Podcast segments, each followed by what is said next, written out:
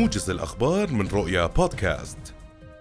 موجز الأخبار أهلا بكم. قرر رئيس الوزراء في بلاغ رسمي أصدره اليوم تحديد ساعات الدوام الرسمي خلال شهر رمضان المبارك من الساعة العاشرة صباحا وحتى الثالثة بعد الظهر.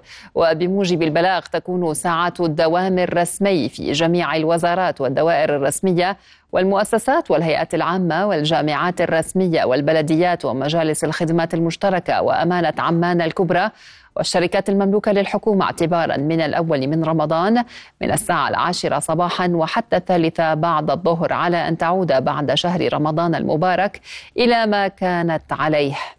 بدورها بينت وزارة العمل أن بلاغ رئيس الوزراء الذي لا يشمل القطاع الخاص وأوضحت الوزارة أن تنظيم وتحديد دوام العاملين في منشآت القطاع الخاص في شهر رمضان المبارك متروك للقطاع الخاص وحسب النظام الداخلي لكل منشأة. قالت مصادر مطلعة إنه من المتوقع اجتماع الوسطاء في القاهرة اليوم لبحث صيغة مقبولة للاحتلال الإسرائيلي وحركة المقاومة الإسلامية حماس لتحقيق وقف دائم لإطلاق النار في غزة بعد أن لجأت حكومات أجنبية إلى إنزال مساعدات جوا للمدنيين في القطاع. وقال مصدران أمنيان مصريان إنه من المتوقع وصول وفدي المقاومة والاحتلال إلى القاهرة اليوم. لكن مصدرا مطلعا آخر قال إن الجانب الإسرائيلي لن يرسل أي وفد للعاصمة المصرية إلا بعد حصوله على قائمة كاملة بأسماء المحتجزين الذين ما زالوا على قيد الحياة في غزة.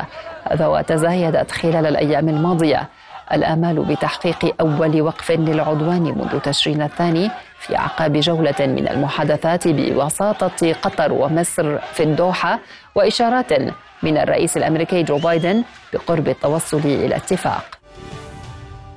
قالت وزارة الصحة في قطاع غزة إن الاحتلال الإسرائيلي ارتكب تسعة مجازر راح ضحيتها تسعون شهيدا و177 إصابة خلال 24 ساعة.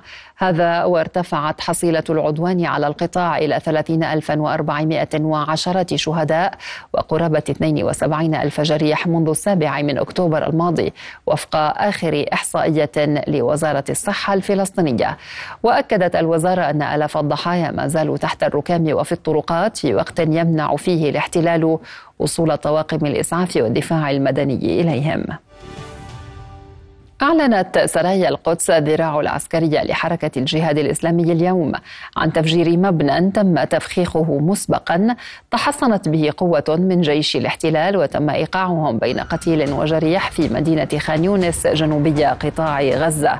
وأكدت سرايا القدس استهداف آليتين لجيش الاحتلال بقذائف RPG في خان يونس. هذا وأعلن جيش الاحتلال يوم أمس مقتل ثلاثة من جنوده وإصابة أربعة عشر آخرين في خان يونس. قال الرئيس الأمريكي جو بايدن إن كمية المساعدات التي تصل إلى غزة ليست كافية متعهدا بالاستمرار في بذل كل ما في وسعه لتوفير المزيد منها. في وقت يتفاقم فيه الجوع ويودي بأرواح عشرات المدنيين.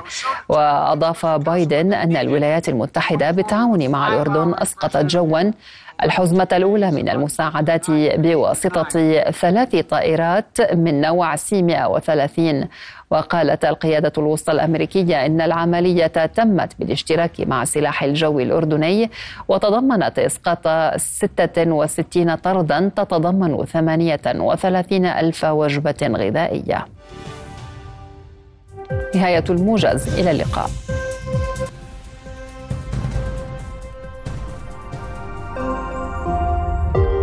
رؤيا بودكاست